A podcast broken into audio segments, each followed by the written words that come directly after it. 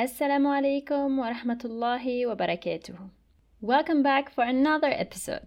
So, last week I wasn't on the podcast because I did a live on embarking on a journey of learning and teaching Arabic. I discussed three mistakes I commonly see and gave three better things to do instead, inshallah. So, if you haven't checked it yet, be sure to head over to Instagram and check our account at Arabic underscore nest. So, you know how big mindset is for me by now. And today I want to touch about a sentence I know many mothers, especially, consider to be true. Maybe it is something you are telling yourself too. I don't have what it takes to teach my child Arabic. And maybe even this has applied to you in many other areas of your life. Underestimating your abilities, not acknowledging the potential you actually have.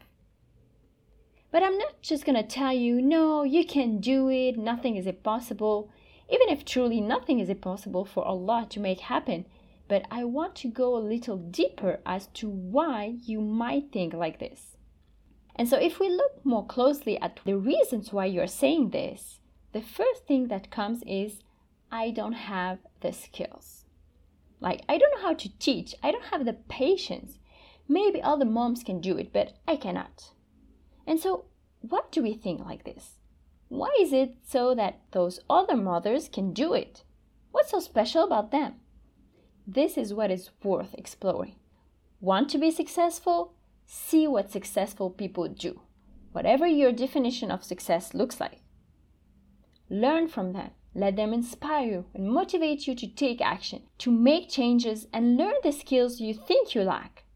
But honestly, teaching a language is much easier than teaching other subjects. And even then, teaching per se is truly in our fitra as mothers too, subhanAllah. You just need to embrace that part of you and be open to the opportunities for learning that arise in your daily life.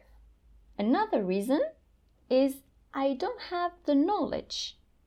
I need to know this or that I need to be fluent or have native speaker level to teach my child Arabic. And for the anecdote, I have a mother who mentioned this to me, like wanting to get the knowledge of the language first and then only start teaching to her child later on, which is admirable, mashallah. But why do we always want to be so selective? It's either this or that. What about both? You can teach Arabic to your child even if you don't have native speaker level you can learn alongside your child progressively, especially if they're really young.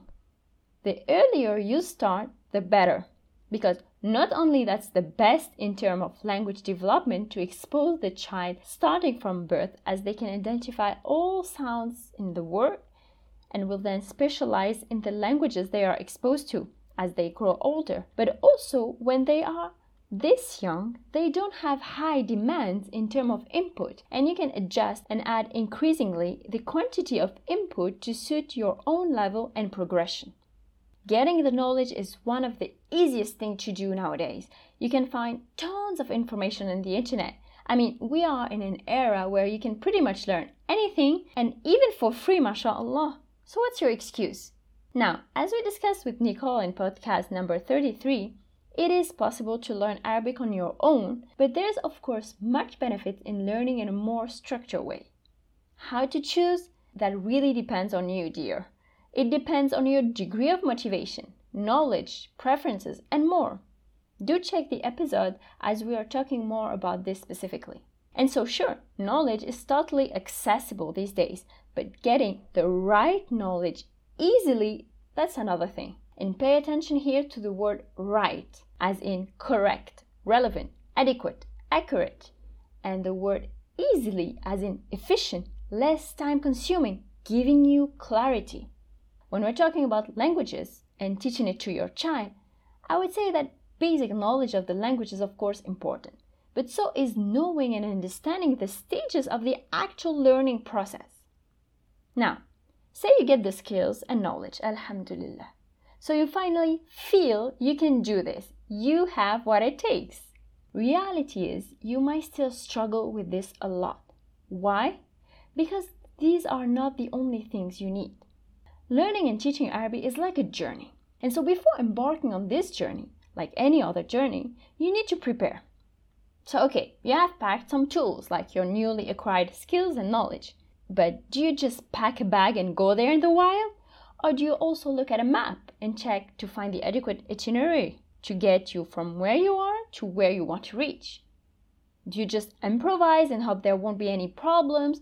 Or do you actually check the weather, the fauna and flora to see if there's anything dangerous? Maybe even ask a friend to come along.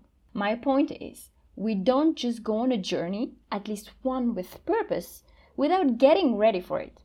And our Arabic journey is no different. We also need to prepare ourselves to make sure we, as parents, as educators, are ready to take on this journey and be successful in it. And so, how do we get ready for this journey? Well, this is exactly what I am here for. My passion toward calling really led me to create this project at Arabic Nest, and specifically our signature online training was designed to answer this particular demand. I approach this journey in a truly holistic manner, where I don't just tell you, okay, you need to do XYZ to teach your child, and that's it. I start with you from the very beginning, making sure you start or continue this journey the right way so you can sustain it and be successful in it with the help of Allah subhanahu wa ta'ala. Our live training, teaching Arabic following your child's development, is more than just some Arabic guide. It is a complete roadmap to this journey where we focus on you, on your life so you can reach your full potential and be at your best for this adventure. We also take into account your environment to make it work for you instead of against you. And finally, we work on making sure you're providing your child with the best possible opportunities to learn this amazing language that is Arabic, the language of the Quran. So this training will be live, meaning all our session will be live and of course recorded so you can watch them if you missed it or later on if you want to check something again. We'll have three core modules aiming for success, setting the tone, and raising bilingual children. We'll also have Arabic classes to help you get strong foundation in some key aspects of the language and training you to actually develop the skills to teach it. We'll try to build a community feel where we have a private group for more interaction in between the session and of course have interactions during our live sessions inshallah. Also, as I mentioned, my approach is holistic. So I couldn't possibly do this training without taking into account one of the most important months of our year, subhanallah. Yes, I'm talking about Ramadan. As we are fast approaching this blessed month, I truly believe it's also important to prepare for it. And in the same way that we prepare for this journey, we should prepare for Ramadan. And thus, I've included some extra session just about preparing for Ramadan, Alhamdulillah. This program is truly unique and aimed at transforming your life bi'idhnillah ta'ala. It was thought to make the causes for a true change. So what do you say? Ready to finally take action, to finally get what you have dreamed of, wished for, and maybe even made dua for. Allahumma barik. There's still time to get the early bird discount, but hurry. So don't waste more time. Pray istikhara and let's do this. Bismillah. If you are unsure if this is really for you or want to know more, you can book a clarity call with me so you can get a better picture at what are your current struggles and what it is that you actually need. You'll find all the links in the description below this episode. Looking forward to hearing from you all, inshallah. Before we set apart, I wanted to share some heartwarming message I got this week. Because you know, recording this podcast is something I truly enjoy, but it does get lonely sometimes. So if you enjoy this podcast, please do let me know, rate it, and write a comment, inshallah. That helps in reaching out to more people and benefiting them too, bi'idhnillah ta'ala. So this message came from a sister in Cardiff. So she said, I was just listening to an episode of your podcast and you said at the end, Jazakallah khairan for listening. And I just want to say, Jazakallah khairan wa shukran jazilan for creating your podcast. I love it so much. It has served as such a huge encouragement for me, Alhamdulillah. It makes me feel like I know so many people who are zealous and have high aspiration for themselves and their children when it comes to learning Arabic in a way that is developmentally appropriate whilst also centering tarbiyah. It's my favorite podcast, genuinely even though I'm huge Diary of a CEO fan, really your podcast is my fave. Keep going. I pray that your podcast gets sponsored by Kutubee app and Jarir Bookstore, and all the other large scale businesses we use to buy Arabic resources. Jazakallah khairan, sister, for your beautiful message. It truly made my day. So, Jazakallah khairan, everyone, for tuning in, and be sure to follow me on Instagram as I have some exciting lives coming up soon. Assalamu alaikum wa rahmatullahi wa barakatuh.